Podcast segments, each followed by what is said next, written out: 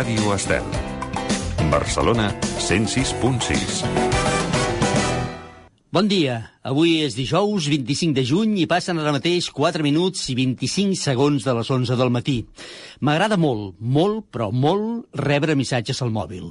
Jo sóc feliç cada dia, cada matí, quan em desperto i veig un missatge que diu bateria 100%. Bé, qui no es consola perquè no vol. Benvinguts.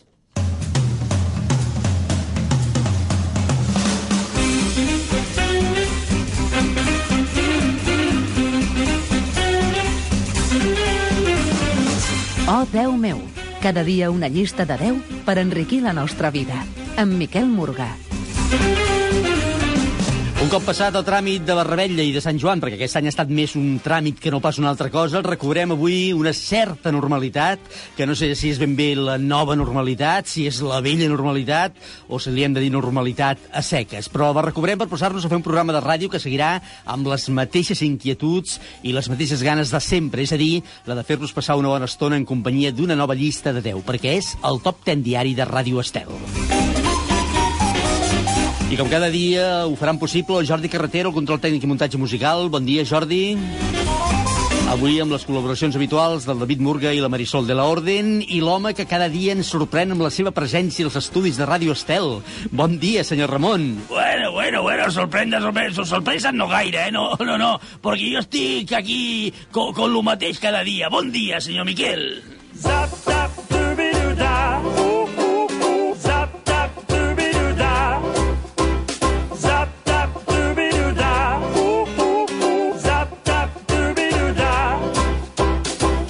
El que em referia, senyor Ramon, és que cada dia ens veiem noves històries, eh? i que ja s'ha convertit, com ho diria jo, com en part eh, del programa que podrien ser, podria gairebé ser una secció pròpia, que serien les històries del senyor Ramon. Ah, bueno, bueno, eso sí, veu, eh? Vostè se refereix que, que és com un culebrón, eh? Con, con les meves històries, vaya, vaya. Home, una mica això sí, perquè el que li passa a vostè, jo, jo crec, de veritat, eh, ho penso sincerament, que li passa a molt poca gent o no li passa a ningú més directament. Bueno, anda, pues, pues, pues, pues, pues sí que faré el que vostè me va dir un dia, si això és així, pues faré uh, això de- d'escriure un llibre, escolti, seria un bestseller, eh? Un bestseller, sí, un bestseller, que diu vostè. Molt bé, està bé. Què, com va anar la rebella, senyor Ramon? La, la, la rebella? Què, què, què, què rebella? Com que quina rebella? La nit de Sant Joan? Ah, vol dir la, la verbena. Ah, pues bien, bien, bien, va, va anar molt bé. Sí, sí, la, la veritat que va anar molt bé, m'ho vaig passar molt bé, eh? Finalment, què va fer? On va anar? Bueno, pues, pues vaig baixar a la plaça, allí donde havien tots els veïns de l'escala, sí, to, ei, ei, xt, tots controlats, eh, eh, sí, i a distància, eh, la, la distància reglamentària, eh, i tots con mascarilla, escolti, que se, allò, semblava el club de los enmascarados, va, vaya, vaya, vaya verbena, vaya verbena, ve- vam tirar quatre petardos i ala, a dormir. Molt bé, perfecte, eh? No va prendre mal ningú, suposo, vostè tampoc. No, no, no, no, no, a veure, que vostè me veu que jo estic malament, per, per, perquè tenia que prendre mal. Home, no sé, com que sempre, últimament està, està una mica gafe vostè, tot li passa a vostè. Bé, escolti, me n'alegro molt, me n'alegro molt que tot anés bé i que no passés res. Bueno, bueno, bueno, no, no, bueno, una, una cosa que sí que quasi, quasi, eh? Vaig estar a, a, a quasi que, que, que me amb la coca de chicharrones aquella, escolti, que, que estava més seca que jo que sé, eh? Bueno, això, això que diu, un dia hauríem d'estudiar, perquè és veritat que les coques de llardons de vegades costen una mica eh, de- d'empassar, allò que és... Eh, jo, jo, jo prefereixo les de crema i fruita, que són més... Va, vaja, passen més bé, les trobo més, més, més païbles, no sé. Ah, Vale, vale, vale, vale. Eh, eh, escolti, no, no, no, no, no, va, no va passar res, ja està, eh, va, ja està a punt, perquè aquello se me va quedar aquí, però no va passar res, eh? Una mica de xampany i pa cavall, escolti. Molt bé, la coca i el cava, perfecte, gairebé imprescindibles per la nit de Sant Joan. A mi, com que no m'agrada el cava, sap, eh, doncs brindo amb llimonada, ja sé que és una mica, una mica nyonyo, eh, això de brindar amb llimonada, o, o, o amb cava, també brindo amb cava d'aquells per nen, saps aquell que té gust de poma? Anda, anda, anda, que ya está, ya está tan gran y tan, y tan animal, señor Miguel. Pero, pero ¿cómo se le ocurre brindar con estas cosas? ¿Usted no sabe que això dona mala sort? No, perdoni, no, no, no. Jo he escoltat moltes vegades que el que dona mala sort és brindar amb aigua, però amb llimonada o, o en capa sense alcohol, i això no ho he sentit mai. Vale, vale, vale, vale, vale. Ahora, ahora entiendo por qué, por qué usted es tan soso. Si, si no veu cava, com, com, com, ¿dónde está la alegría, señor Miguel? És que no m'agrada, què vol que li digui? No m'agrada el cava. Eh, no sé, no sé què vol que faci. Ja sé que dient això no faig cap favor a la indústria del cava català, però miri, no, no dir una cosa per una altra no m'agrada. Vale, vale, vale. Bueno, ¿y, y, y de petardos qué? ¿Ya, ¿Ya va tirar algún petardo? Res, eh? quatre, quatre sabetes, una bengala, que per ser gairebé em cremo amb aquella bengala. Les bengales són traïdores, eh? perquè sembla que no facin res i em van, em van esquitxant que em, vaig, em va caure una, una, una estrelleta d'aquelles aquí a la cara que em gairebé em cremo, eh? Eh, co- co- Con una bengala. Madre mía, anda, anda, que no. Ah, escolti, vostè todo lo contrari a l'esperit de la verbena, eh? Home, no, no, escolti. Jo ja li vaig dir que a mi m'agrada molt el foc, i l'espectacle del foc a mi m'agrada molt, eh? els focs d'artifici i tot això. Però els petards en si, ai, no sé, els trobo una mica absurds. Espero que no m'estiguin escoltant a la gent de València, perquè si no no em convidaran mai més a les falles, eh? Bueno, bueno, bueno, una, una cosa que, que sí que, que le volia preguntar jo i, i, i que no té res a veure con la verbena i con, con Sant Joan, eh? Digui'm, va, que sóc tot oïdes i si va ràpid, sobretot. Vale, vale, vale, vale. A, això, això és quan s'acaba. Ara no entenc, no sé de què em parla, eh? Què vol dir això quan s'acaba? Bueno, el programa, dic, el programa este, quan, quan s'acaba por les vacacions. Ah, ah, vale, el programa, ja ho entenc. Molt bé, perfecte. És que de vegades vostè fa preguntes així de cop i volta que no sé, que no, que no s'entenen. Miri, uh, farem el programa encara durant tot el mes de juliol. I després a l'agost reposarem i farem vacances. Ah, vale, vale, vale, vale, vale, vale, perfecto, perfecto. Ho diu per alguna cosa en especial? Uh, vol... Ha de programar alguna cosa? No sé. Bueno, no, res, res, res, ja, ja, ja l'Ilu, ja l'Ilu, ja ja, ja, ja ho explicaré un altre moment. Escolti, sí, eh, és que m'estic planejant tot això de, del calendari del verano i, i necessitava saber això, quan s'acabava el programa. Que té una cosa, eh, que no cal... Vaja, vostè no té cap obligació de venir, eh? Que, de fet, ve perquè vol. És que quedi clar, vull dir que si ha de marxar a algun lloc abans, cap problema. Bueno, bueno, bueno, bueno, ya, ya, ya, ya lo veremos, porque, porque están organizando un viaje a los de la petanca, ¿eh? y me estoy pensando yo si iré o no iré. Ah, molt bé, perfecte. On, on aniran? Ho sap ja? Bueno, está, están, eh, lo, lo están decidiendo, ¿eh? Están entre Caldetas y Salou. Eh, a, a veure si s'acaben de decidir. Molt bé. Home, molt lluny tampoc van. Però està bé, no, no? Està bé. eh? Faran turisme interior, que aquest any anirà molt bé. Bueno, lo, lo, lo que pasa es que, que me lo estic pensant perquè jo ja los conec, eh? però encara no tinc molta confiança, saps? No sé, no sé si aniré allí i me trobaré una mica sol. Ja ho entenc. Però per mi és una manera de conèixer-los, de, de fer amics, d'establir una mica de relació. Eh, jo no, no, no sé, si, si pogués anar con algú, escolti, me, no sé, jo, jo me, me, me, estaria, me estaria més content. Miri, fem una cosa, ja veurà. Digui-li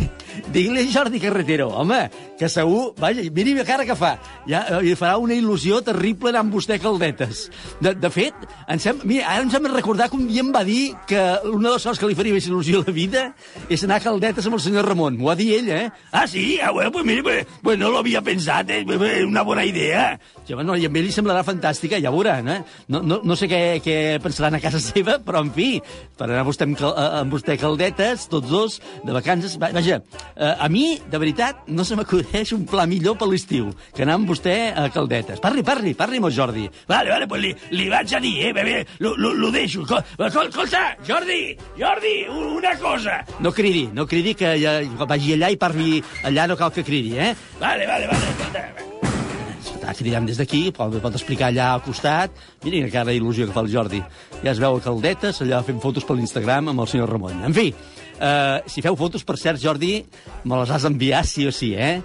De moment, i ara per ara, tirem endavant el programa d'avui.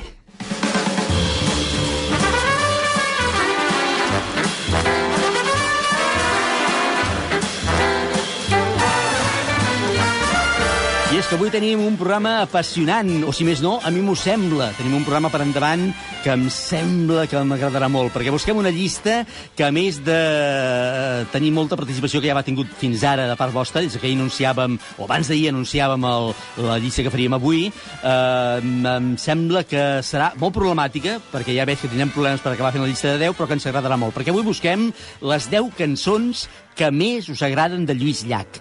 Les 10 cançons que més us agraden de Lluís Llach. És dificilíssim, ja ho dic ara, eh? No sé si la llista eh, és més difícil eh, eh, de, totes, eh, de totes que hem fet. Jo crec que és el més difícil per decidir 10 llocs, perquè em sembla gairebé impossible. Decidir-se només per una cançó de Llach, a mi ja se m'ha fet impossible. Vaja, jo si m'ho haguessin demanat a mi no hagués sabut exactament què dir. Però si, en- si ens en dieu una, la que més us agrada, acabarem per configurar una llista amb 10 títols de les 10 cançons que més us agraden de Lluís Llach. De moment, i mentre ho aneu pensant i us acabeu de decidir, aquells que encara no ho heu fet i que ja ens ho heu enviat a través de, de les xarxes socials, del WhatsApp o del correu electrònic, a veure si aquest informe que us hem preparat us ajuda una mica.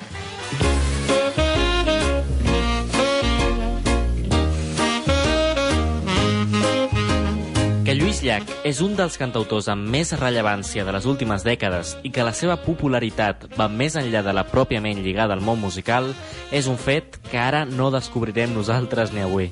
De fet, el que avui es pretén amb la llista de Déu del Oh Déu meu es pot considerar una missió gairebé impossible. Triar només 10 cançons del cantautor de Verges és un fet que a molts els pot trasbalsar i acabar per desistir-ne. Un total de 33 discos equivalent a un nombre de cançons gairebé incalculable fan que el fet de concretar la vostra opció en només una d'aquestes cançons us provoqui un exercici de síntesi massa extrem. Però segur que hi ha alguna cançó seva que ha marcat la vostra vida per algun fet especial. Aquesta cançó no té per què coincidir, a més, amb aquelles que poden ser considerades les millors, les de més qualitat o les més complexes tècnicament. De vegades la senzillesa i la frescor d'un tema musical ens arriba molt més al cor i de forma més sincera en allò que és el que el nostre estat d'ànim i el nostre esperit necessiten. De la mateixa manera que és difícil concretar en alguna cançó de Llach, també ho és quedar-nos amb algun passatge de la seva vida i de la seva carrera. Des dels seus inicis com l'últim dels membres integrats al moviment dels 16 jutges, Lluís Llach ha estat protagonista de molts moments històrics del nostre país, amb la seva música com a testimoni. Després de tota l'etapa de la resistència antifranquista, ell va ser el primer cantant no operístic en actuar al Gran Teatre del Liceu.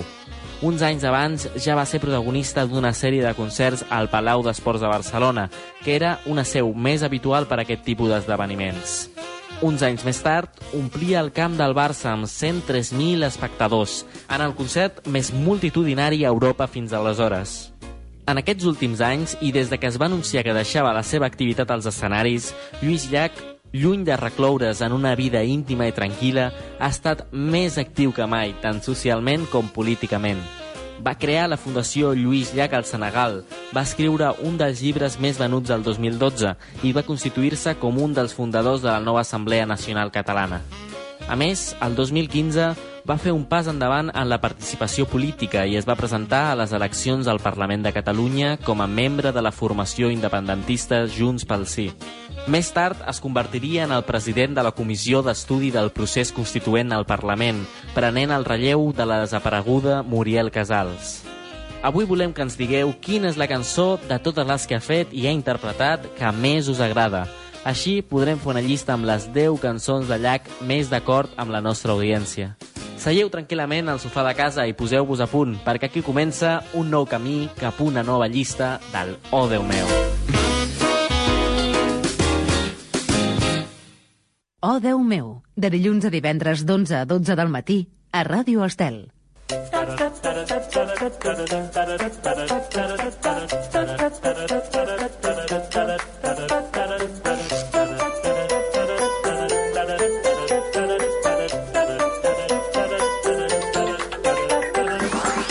Mi em demanen que digui una cançó, una sola cançó de Lluís Llach per la llista i sóc incapaç. Vaja, no seria capaç de definir-ne només una de cançó.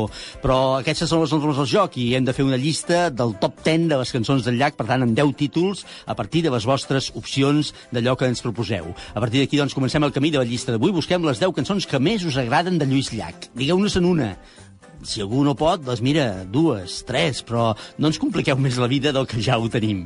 Recordeu que ens podeu fer arribar les vostres opinions, com ja ho ha fet molta gent, a través de les xarxes socials, Instagram i Facebook, buscant el nom del programa, o Déu meu, allà trobareu un post amb la pregunta i caldrà només que hi escriviu el títol de la cançó que més us agrada. Ho podeu fer també a través d'un correu electrònic a l'adreça odeumeu arroba radioestel.cat odeumeu arroba radioestel.cat tot recordant que aquest odeumeu l'heu d'escriure amb una O, una H, el 10 amb números i meu, odeumeu arroba radioestel.cat o enviant-nos una nota de veu o un missatge escrit al nostre telèfon habilitat pel WhatsApp, que és el 644 34 30 10. 644 34 30 10. Encara tenim temps fins al final del programa per eh, fer-nos arribar aquestes opcions per la llista d'avui. Recordeu, les 10 cançons que més us agraden de Lluís Llach. I entre tots i totes, tothom qui participi avui al programa, sortejarem al final un lot de vins Lovers Wine Elegance.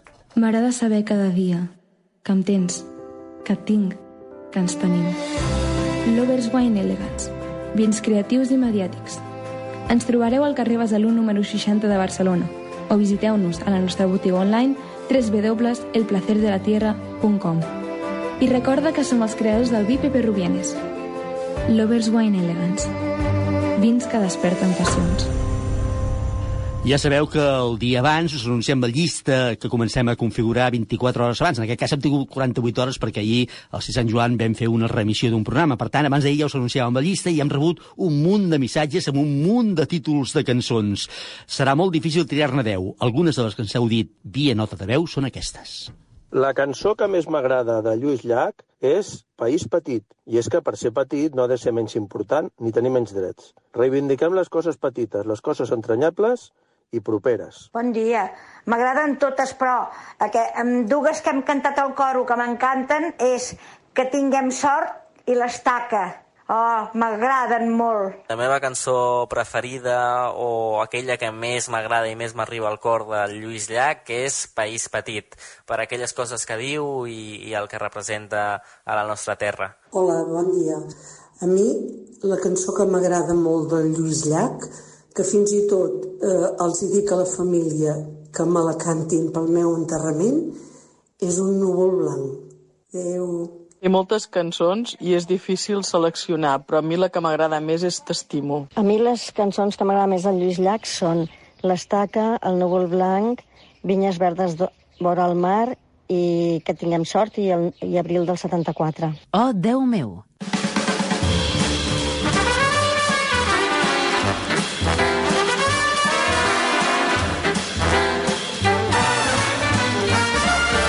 Les 10 cançons que més us agraden de Lluís Llach són les que busquem avui per la nostra llista de 10, per la nostra top 10 de Ràdio Estel. Avui era gairebé inevitable que per posar música a la llista, ja sabeu que cada dia busquem una cançó que ens lligui el tema de la llista amb el que estem buscant i amb la banda sonora del programa, era gairebé inevitable que ho féssim amb una cançó de Lluís Llach. Però ho farem amb una versió molt, però molt especial del tema que tinguem sort i que va interpretar al costat de Pedro Guerra i que serveix, com deia, per il·lustrar el nostre top 10 d'avui. sabeu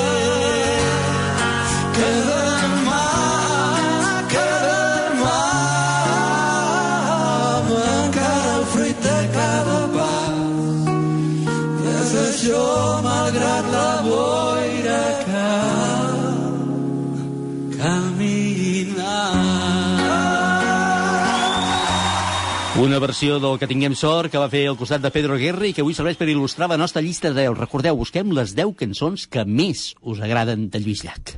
Ràdio Estel.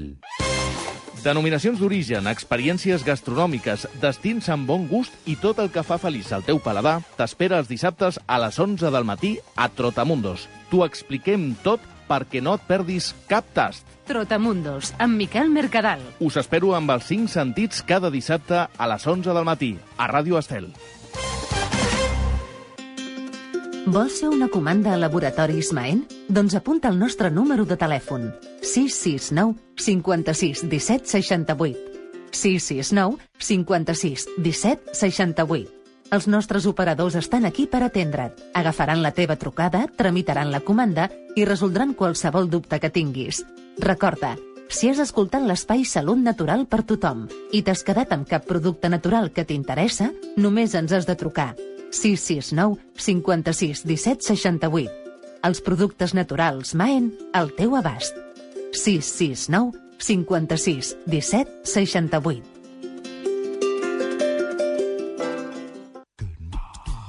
L'app de Ràdio Estel per a mòbils Android i iPhone és gratuïta i amb tot el que t'agrada de Ràdio Estel. Ràdio online, ràdio a la carta, totes les promocions, tota l'actualitat i accés a les nostres xarxes socials. No te la perdis. Busca Ràdio Estel a Google Play o a l'App Store i queda't amb nosaltres per sempre.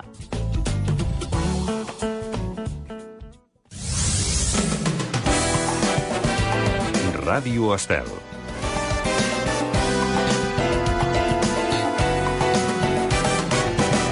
Oh, Déu meu, amb Miquel Morgà.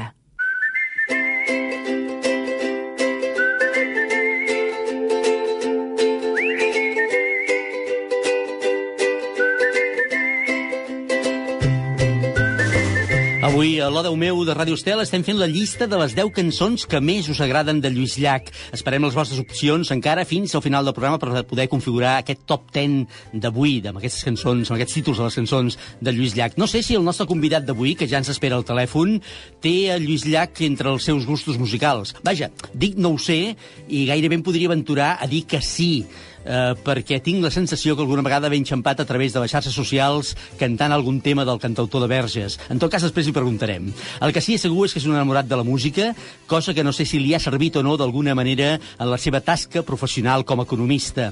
La seva tasca com a eurodiputat durant 10 anys, en les dues anteriors legislatures, l'han portat a conèixer molt bé tot l'entramat de la Unió Europea des del seu Parlament, a més, amb un compromís clar de defensa del català i de Catalunya a la Cambra Europea. Com que ara es parla molt del paper que haurà de tenir Europa en aquesta etapa post-confinament i enmig de la pandèmia, hem pensat que era una bona oportunitat per avui parlar amb ell i que ens expliqui com ho veu tot plegat. Senyor Ramon Tremosa, bon dia i moltíssimes gràcies per haver acceptat la nostra invitació. Molt bon dia.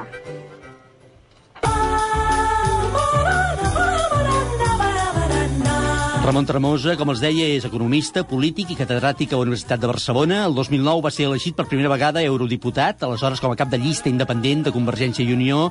Experiència, la d'eurodiputat, que va repetir a les eleccions del 2014 i fins ara fa un any, aproximadament. Són molts anys, si m'ho permet dir així, remenant la cua per Europa, eh, senyor Tremosa, fet que vi deu haver permès conèixer molt bé com funciona tot allò, eh? Sí, certament 10 anys són molts i, i potser massa i tot, però bé, va ser una experiència magnífica i en tinc un gran record. No? També es paga un preu personal i és un cost molt gran de voler ser actiu i treballant al màxim possible, però però bé, es pot dir que ha sigut una experiència molt bona.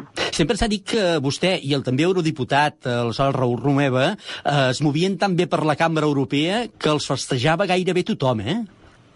Bé, eh, allà tu pots anar amb una actitud proactiva o bé pots intentar passar desapercebut, no? Hi ha diputats de tota mena i condició, no? I en canvi, jo quan vaig arribar el 2009, el Raül Romeva portava ja 5 anys allà i va ser un molt bon mestre perquè ell era dels que primers arribaven al Parlament al matí i dels, que, eh, dels últims a sortir a la nit, no? I, i, i era molt actiu, vaig aprendre molt d'ell i llavors doncs, això és anar a tots els debats, oferir-se per, per uh, ser ponent d'informes diversos de les teves comissions, jo estava a Economia, Comerç i Transport, uh, participar, demanar la paraula, signar mocions, entrar esmenes, clar, tot això o ho fas o no ho fas, no? I, i, i sempre hi ha dos grups, no? Un grup de diputats molt actius, una massa que va fent i un grup de diputats que passa desapercebut, no? Doncs cadascú tria on vol anar, no?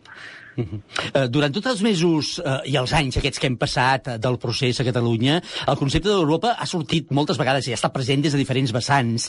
Uh, per un costat, aquells que deien que Catalunya, si acabava sent independent, aniria a parar a l'infern i Europa no ens voldria ni veure, i aquells altres que defensaven la permanència, passés el que passés.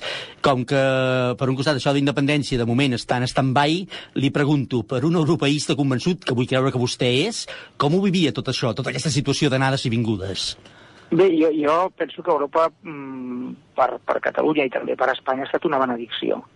En tots els àmbits, eh? econòmic, des del punt de vista de la lliure circulació, la moneda única i també dels valors democràtics. Jo, per exemple, vaig ser al referèndum d'Escòcia al setembre del 2014. I doncs la Comissió Europea estava preparada per eh, ajudar les negociacions en cas de victòria del sí.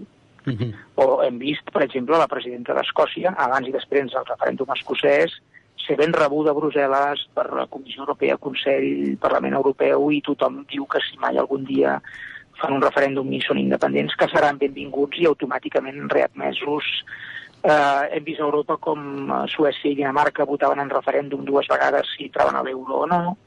El referèndum és va de cada dia en molts països del nord d'Europa, que són els que tenen millor qualitat democràtica, i per tant eh, Espanya va més endarrerida perquè ha tingut mm, segles de dictadures militars i monarquies absolutistes, però eh, això tard o d'hora arribarà a casa nostra, vull creure que serà més d'hora que tard, i, i això pels catalans eh, ha estat una benedicció. No? Pensi, per exemple, i acabo, el 2008 eh, Catalunya surt de la crisi exportant a Europa i obrint la seva economia als mercats internacionals europeus principalment. No? Sense l'euro i la moneda única i la lliure circulació de la Unió Europea que ens facilita, avui estaríem molt a prop d'Argentina. Uh -huh. Uh, això econòmicament, evidentment, però el cert és que Europa, la Unió Europea, no sé si mai, no sé, no, la sensació és que mai no es va acabar de definir en referència al procés de Catalunya, i si alguna vegada ho va fer més aviat va ser per trucar-nos una mica el crostó. Què, què va fallar? Perquè sempre se'ns havia volgut fer creure que la, que la força la teníem precisament a Europa, i no teníem la sensació que fos així, no? Europa, Europa està en construcció, és a dir, la, la Unió Europea no recapta cap impost, per exemple. Eh, això els catalans sabem molt bé de què va, tenir unes competències de despesa i no recaptar cap impost. No? El poder el té qui recapta els impostos, que són avui encara les capitals, París, Roma, Madrid, eh, Alemanya no, perquè són els estats federals els que recapten i per això tenen tanta força i tant de poder. No? Però, per tant, Europa encara no és com els Estats Units, on hi ha un, un tresor comú que recapta impostos a nivell federal, s'emeten títols de deute públic a nivell federal, tot això encara als Estats Units va ser un procés de, de dècades i, i de moltes discussions entre nord i sud, amb una guerra civil al segle XIX entremig, que els motius fiscals van ser molt importants. Per tant, Europa encara s'està construint i Europa mai no ha tingut aquest poder que algú vol fer creure que té. No? El que passa que sí que Europa és un smart power. No? És a dir, per exemple, sense el referèndum escocès del 2014, mai a Catalunya la idea d'un referèndum no hauria quallat per falta de referents i per falta de versemblança o credibilitat. No? I ara, en canvi, doncs Gran Bretanya vam veure com fa quatre anys, per Sant Joan, va votar a sortir de la Unió Europea amb una votació que ha estat la més alta en participació de la història electoral de la Gran Bretanya, un 70% de britànics. Mai cap votació ha sigut tan legítima com aquell Brexit, per més que ens dolgui els europeistes. Uh -huh. no? I potser per això d'aquí 20 anys poden decidir tornar els britànics. Sí que han canviat molt les coses, no? I en aquest sentit, Europa ha estat, eh, amb totes les seves imperfeccions, com diu Gonzalo Boye, és el mejor de los infiernos. Però mucho mejor, hi ha molts inferns eh, possibles, però el que és evident és que, és que Europa ens dona un, una... I ara, amb la resposta a la crisi, doncs està, està salvant els mobles, no, encara molt més. No? És a dir, si avui no hem tingut correlitos bancaris com el 2008, igualment, ni han fallat el, els aliments als supermercats i, i els funcionaris poden cobrar les seves nòmines i l'Estat pot aguantar la sanitat pública, tot això és gràcies al Banc Central Europeu. I per tant hem de posar en valor, i, i, i utilitzo, mira, una expressió bíblica, eh, benedicció, Mhm. blessing en anglès. Mhm. Eh, I a Ràdio Estel, doncs, eh, potser enteneu millor que en altres. Eh, és a dir, ha estat una benedicció tenir aquesta mica d'Europa en forma de moneda única de lliure circulació, etc etc. Per exemple, el turisme, no? Catalunya, que ha estat una potència turística mundial, aquest any que no tindrem el turisme que hem tingut tots els altres anys, veurem fins a quin punt l'impacte econòmic és impressionant. No? I, per tant, l'obertura aquesta comercial, que no hem posat mai en valor, ha donat a Catalunya unes cotes de, de, de, de, de nivell econòmic i de potència econòmica que mai no ha tingut en tota la seva història. Per tant, eh, i situant-nos en el procés, en el present, perdó, en aquest procés d'aquesta dita nova normalitat, Europa eh, és la nostra salvació, i ara sí parlo en termes econòmics, eh? Sí, sí, és a dir, ja, és a dir, no només, per exemple, hem vist, per exemple, a Alemanya, que els estats federals decidien quan es confinava una economia i quan es desconfinava. I Baviera, per exemple, sempre va anar diferent que molts altres estats. I, I no per això a Berlín, la Merkel i els diaris de Berlín insultaven i amenaçaven el president de Baviera. No? O hem vist a Macron, que França és un país centralista, com, com pocs n'hi ha, eh, ordenar eh, que els alcaldes decideixin quan s'han de desconfinar els seus municipis. Perquè no és el mateix París, amb els seus 14 milions d'habitants, de la seva gran capital, que un poblet petit de, de la Catalunya Nord. No? I, per tant, Europa avança cap a la descentralització perquè és més eficaç, tot el contrari del que fa l'autarquia a Espanya. No? Mhm. En, en aquest sentit, eh, no només a nivell democràtic, sinó de gestió de la crisi sanitària, hem vist que Europa fa unes coses millor i per això els indicadors de, de, són més bons. No? I també en, en termes econòmics. Eh, Angela Merkel ha estat set anys bíblics estalviant, del 2012 al 2019, que hi ha hagut creixement econòmic, ha, des, ha reduït el deute públic i ha estalviat, i ara en set setmanes bíbliques de caiguda brutal de l'economia, ha fet el paquet de rescat més gran d'Europa.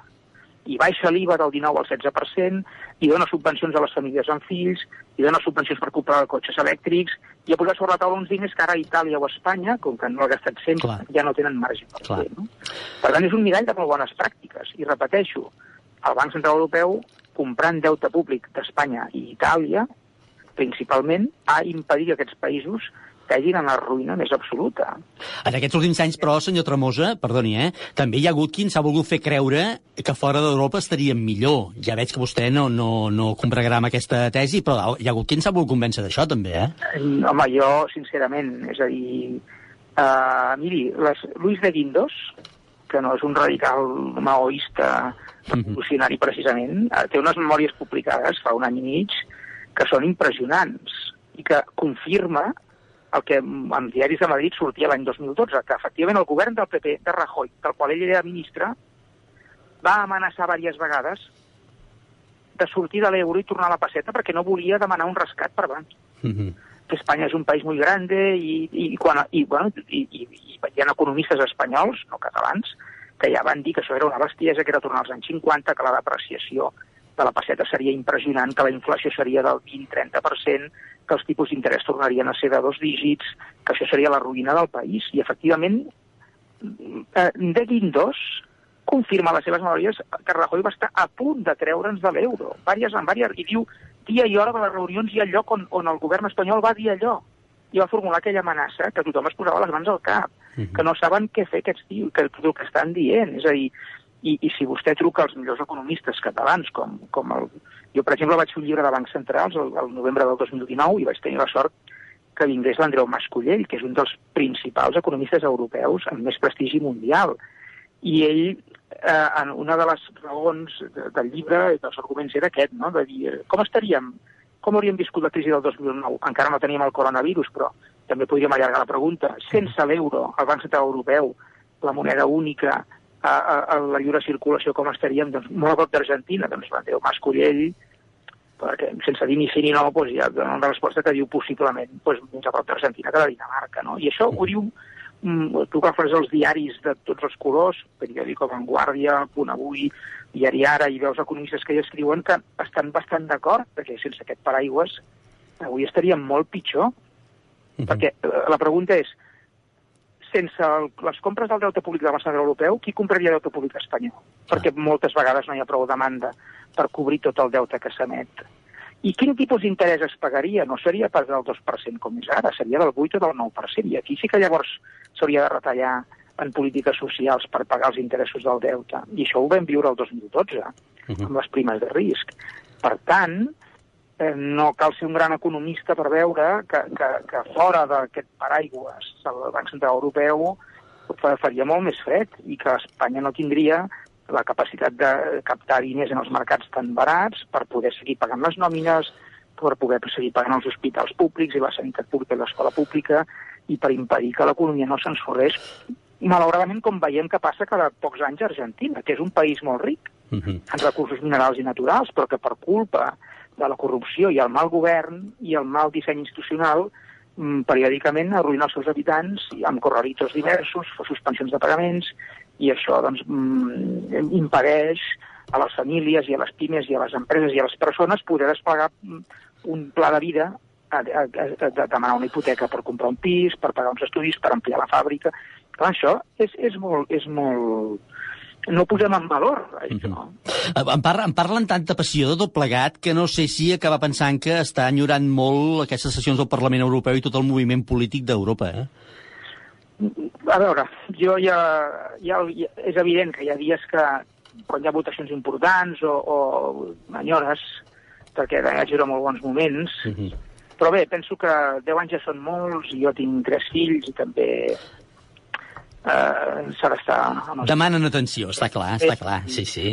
I en aquest sentit, doncs, doncs, eh, penso que el meu temps ja va ser molt llarg i que és suficient i que ara doncs, altres persones mm, visquin aquesta experiència i aportin des del seu talent i la seva capacitat la seva contribució a la construcció del projecte europeu i sí que és veritat que mm, segueixo molt la política europea perquè mm, la conec bé i m'agrada i, i en aquest sentit doncs, doncs eh, però és una enyorança però no, no trista, al contrari de, perquè moltes persones que són protagonistes les conec i, i, i m'agrada molt haver tingut la sort i l'oportunitat d'haver pogut viure en primera persona moltes coses que estan passant a Europa.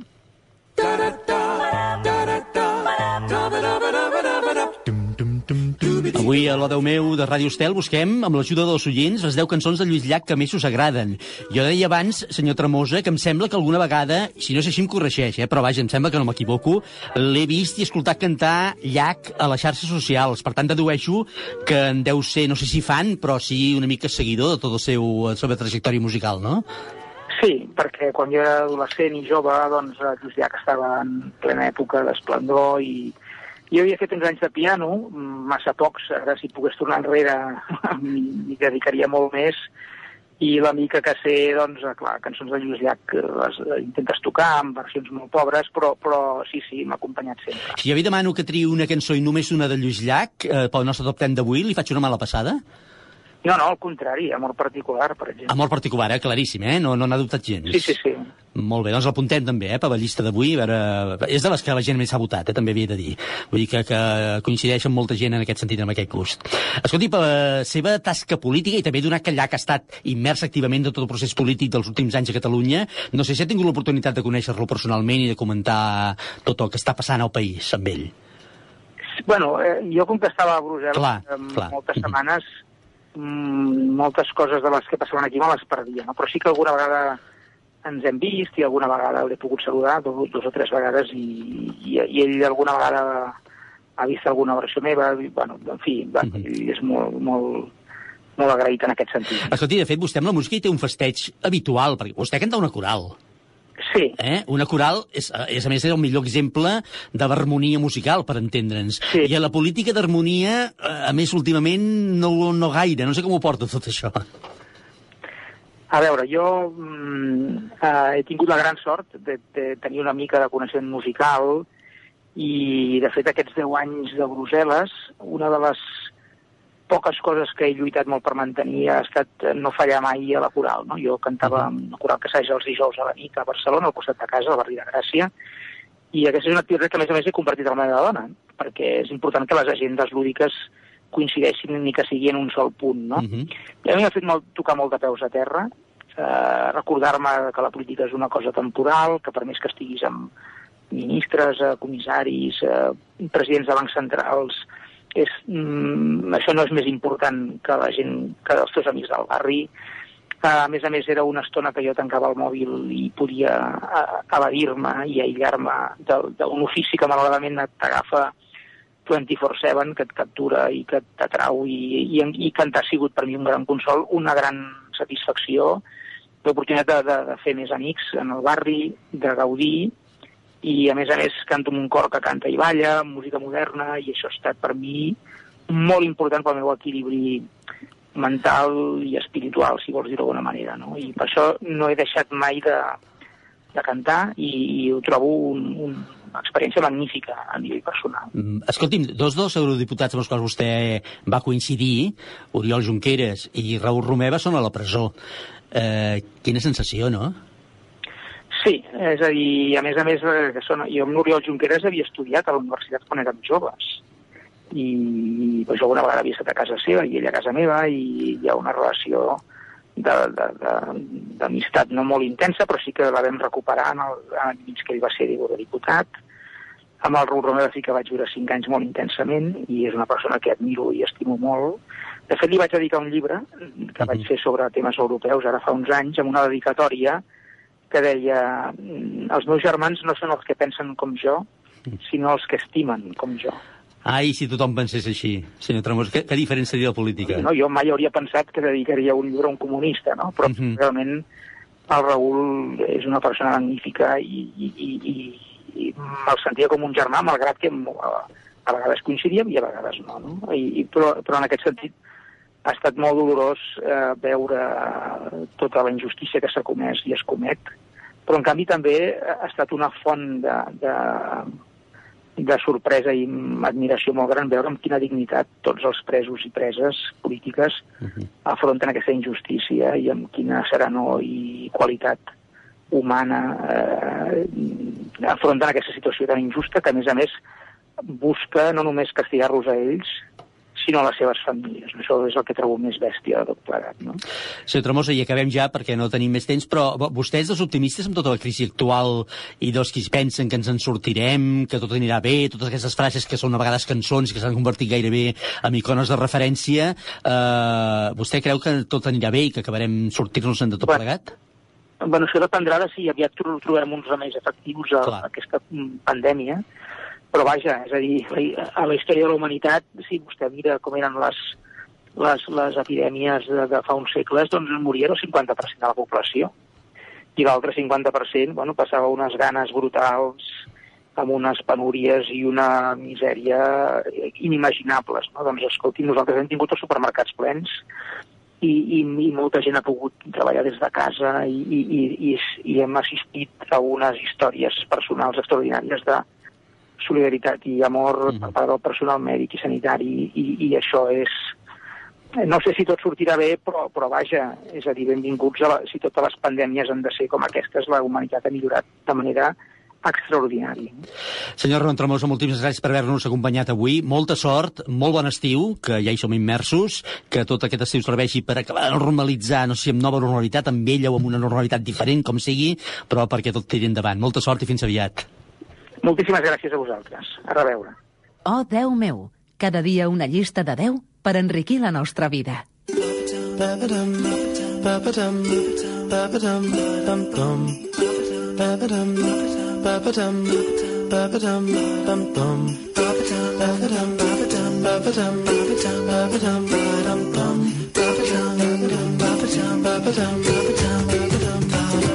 Abans ja hem escoltat algunes de les vostres opcions per la nostra llista d'avui, per aquesta llista de 10 que busquem amb les 10 cançons que més us agraden de Lluís Llach, les hem escoltat en format d'àudio, perquè ens heu enviat notes de veu, però hi ha molta gent que ens ha escrit a través de les xarxes socials, a través del WhatsApp mateix o a través del correu electrònic. Fem ara un recull d'algunes de les cançons. Ja us dic que avui serà complicadíssim confeccionar aquest top 10, aquesta llista de 10, perquè la quantitat de cançons que apareixen són i moltes, moltes, moltíssimes. Fer una llista de 40 gairebé. Hauríem de fer les 40 principals del llac avui. En fi, us en llegeixo algunes de les cançons que ens heu fet arribar. La Montse RM, a través de les xarxes socials, ens diu una de les que més m'agraden és País Petit. La Maria Hilària ens diu Laura. L'Albert Cortacans, que tinguem sort.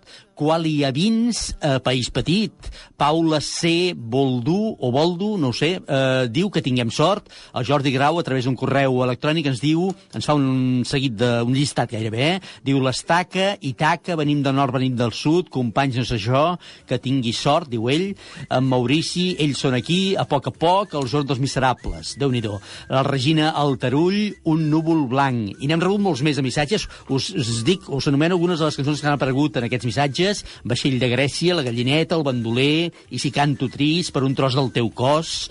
Hi ha cançons que, que sembla que estiguin oblidades, però que quan dius el títol tornen a venir, eh?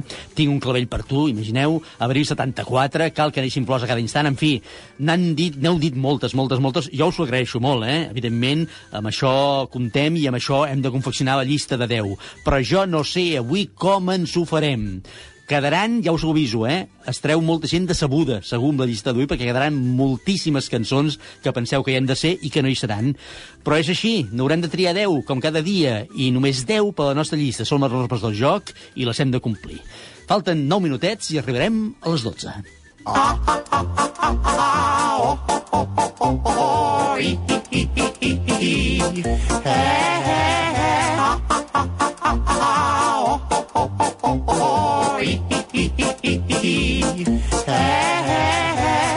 Què deu dir internet sobre Lluís Llach? Deu sortir una de pàgines com poses Lluís Llach, impressionants. No sé com s'ho ha fet la Marisol de Orden per ordenar-ho tot. Bon dia, Marisol. Bon dia, Miquel. Deus posar Lluís Llach i deu, es deu tornar boig l'ordinador, eh? pues sí, la veritat és que sí. A més, és un dels meus cantants preferits, per tant, he gaudit molt. Ah, molt bé. Per tant, has, has treballat a favor avui, eh? Exacte.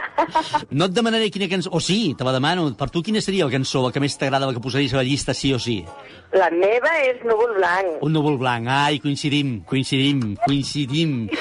Sí, sí, molt bé, molt bé, molt bé. Ja he trobat molta gent que coincideix. És fantàstica, el núvol blanc és una cançó d'una tendresa, d'una emotivitat fantàstica.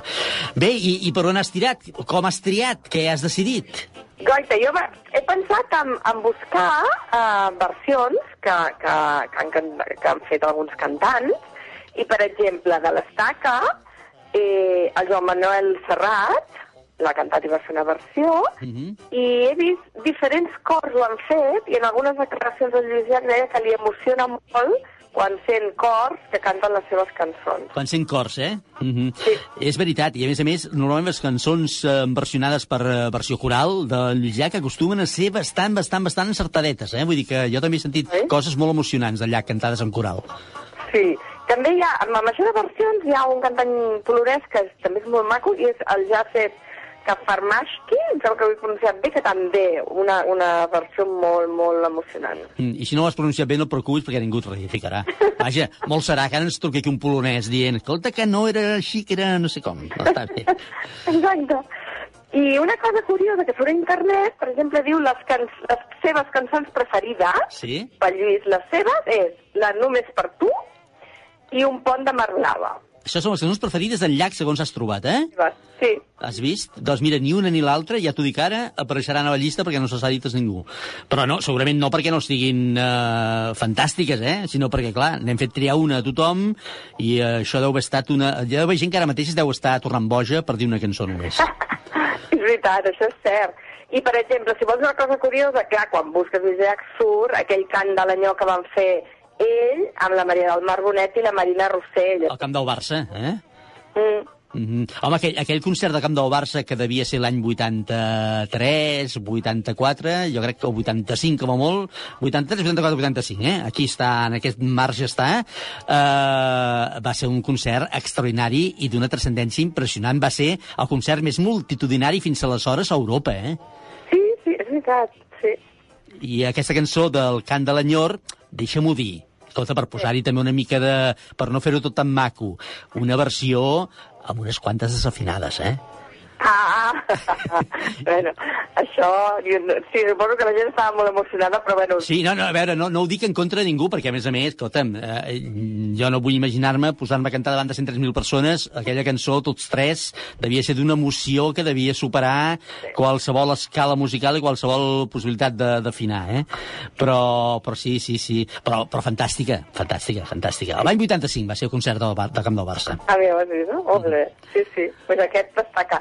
I cosetes així més recent, mi m'ha fet gràcia dir doncs, que en aquest cas el Lluís Llach es va posar en aquesta campanya que es va fer de Joan Corono pel tema del Covid, del, del Covid i mm, llavors van fer la cançó també d'un núvol blanc, una versió molt xula amb altres cantants, Sí.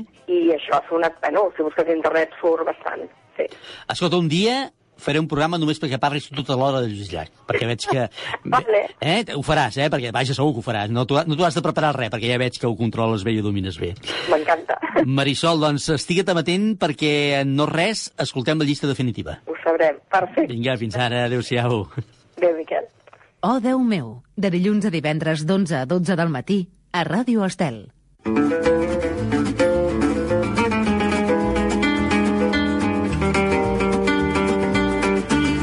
Doncs sense aturar-nos gaire bé, anem a la llista definitivament, perquè són 10 cançons només les que hi entren, i són, finalment, aquestes. Cada dia una llista de 10 a Ràdio Estel.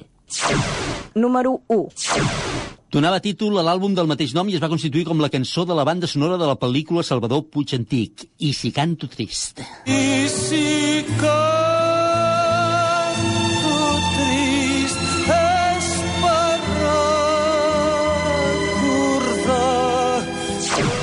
Número 2.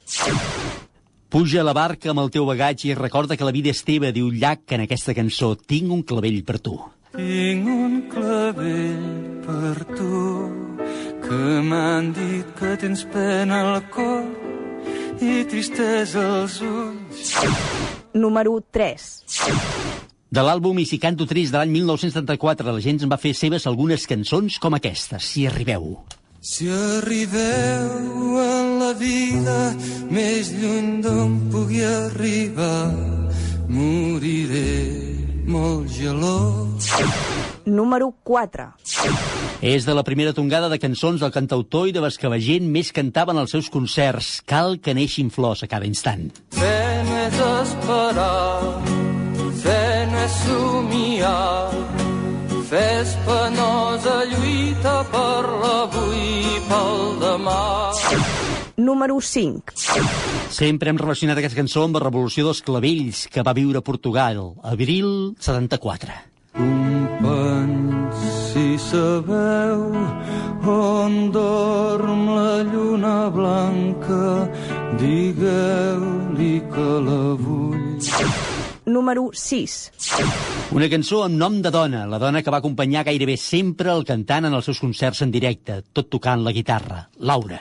I avui que et puc fer una cançó, recordo quan vas arribar. Número 7. La que s'ha convertit en tot un himne de resistència i que a més s'ha traduït a molts idiomes que van acollit amb aquesta mateixa intenció, potser la cançó més cantada de Lluís Llach, l'Estaca. L'avi Siset em parlava de bon matí al portal. Número 8. Una deliciosa i tendra cançó d'amor a la mare, segurament una de les més emotives de totes les que va fer Lluís Llach, Un núvol blanc. Així només em deixo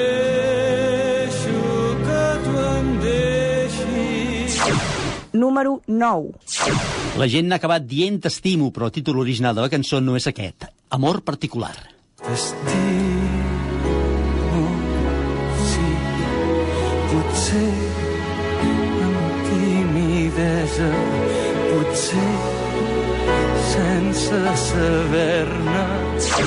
Número 10. I tanquem la llista d'avui amb la cançó que més ens heu anomenat de totes les que ha cantat el cantant empordanès. Que tinguem sort. Si em dius adeu, vull que el dia sigui net i clar. Que cap ocell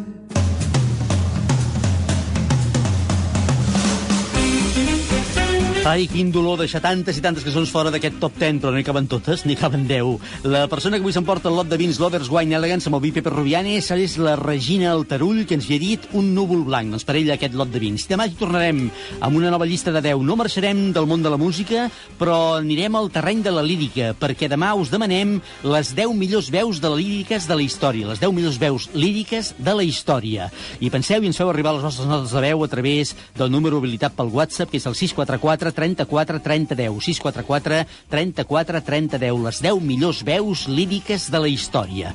També ens podeu fer arribar els missatges a través de xarxes socials o del correu electrònic. Doncs vinga, ja està, ja hi som. Demà hi tornem. Gràcies a tothom per participar. El programa avui ha estat possible, com sempre, gràcies al Jordi Carretero des del control tècnic i muntatge musical, les col·laboracions del David Murguer i Mansol de Borden i el senyor Ramon aquí compartint taula i estudi. Demà hi tornem a partir de les 11 i pocs minutets. Fins aleshores, tingueu un molt bon dia. Adéu-siau. Oh, Déu meu, amb Miquel Morgà.